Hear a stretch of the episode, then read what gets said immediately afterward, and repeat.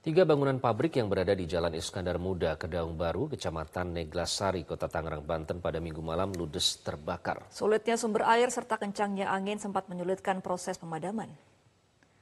Api cepat membesar karena banyaknya bahan yang mudah terbakar serta angin kencang hingga membuat api merembet ke pabrik lainnya. Beruntung kobaran api tidak mengenai pemukiman warga yang berada persis di samping pabrik. Petugas menyatakan api berasal dari pabrik sendal lalu merembet ke pabrik plastik dan karung. Tidak ada korban jiwa dalam kejadian ini, namun kerugian ditaksir mencapai ratusan juta rupiah.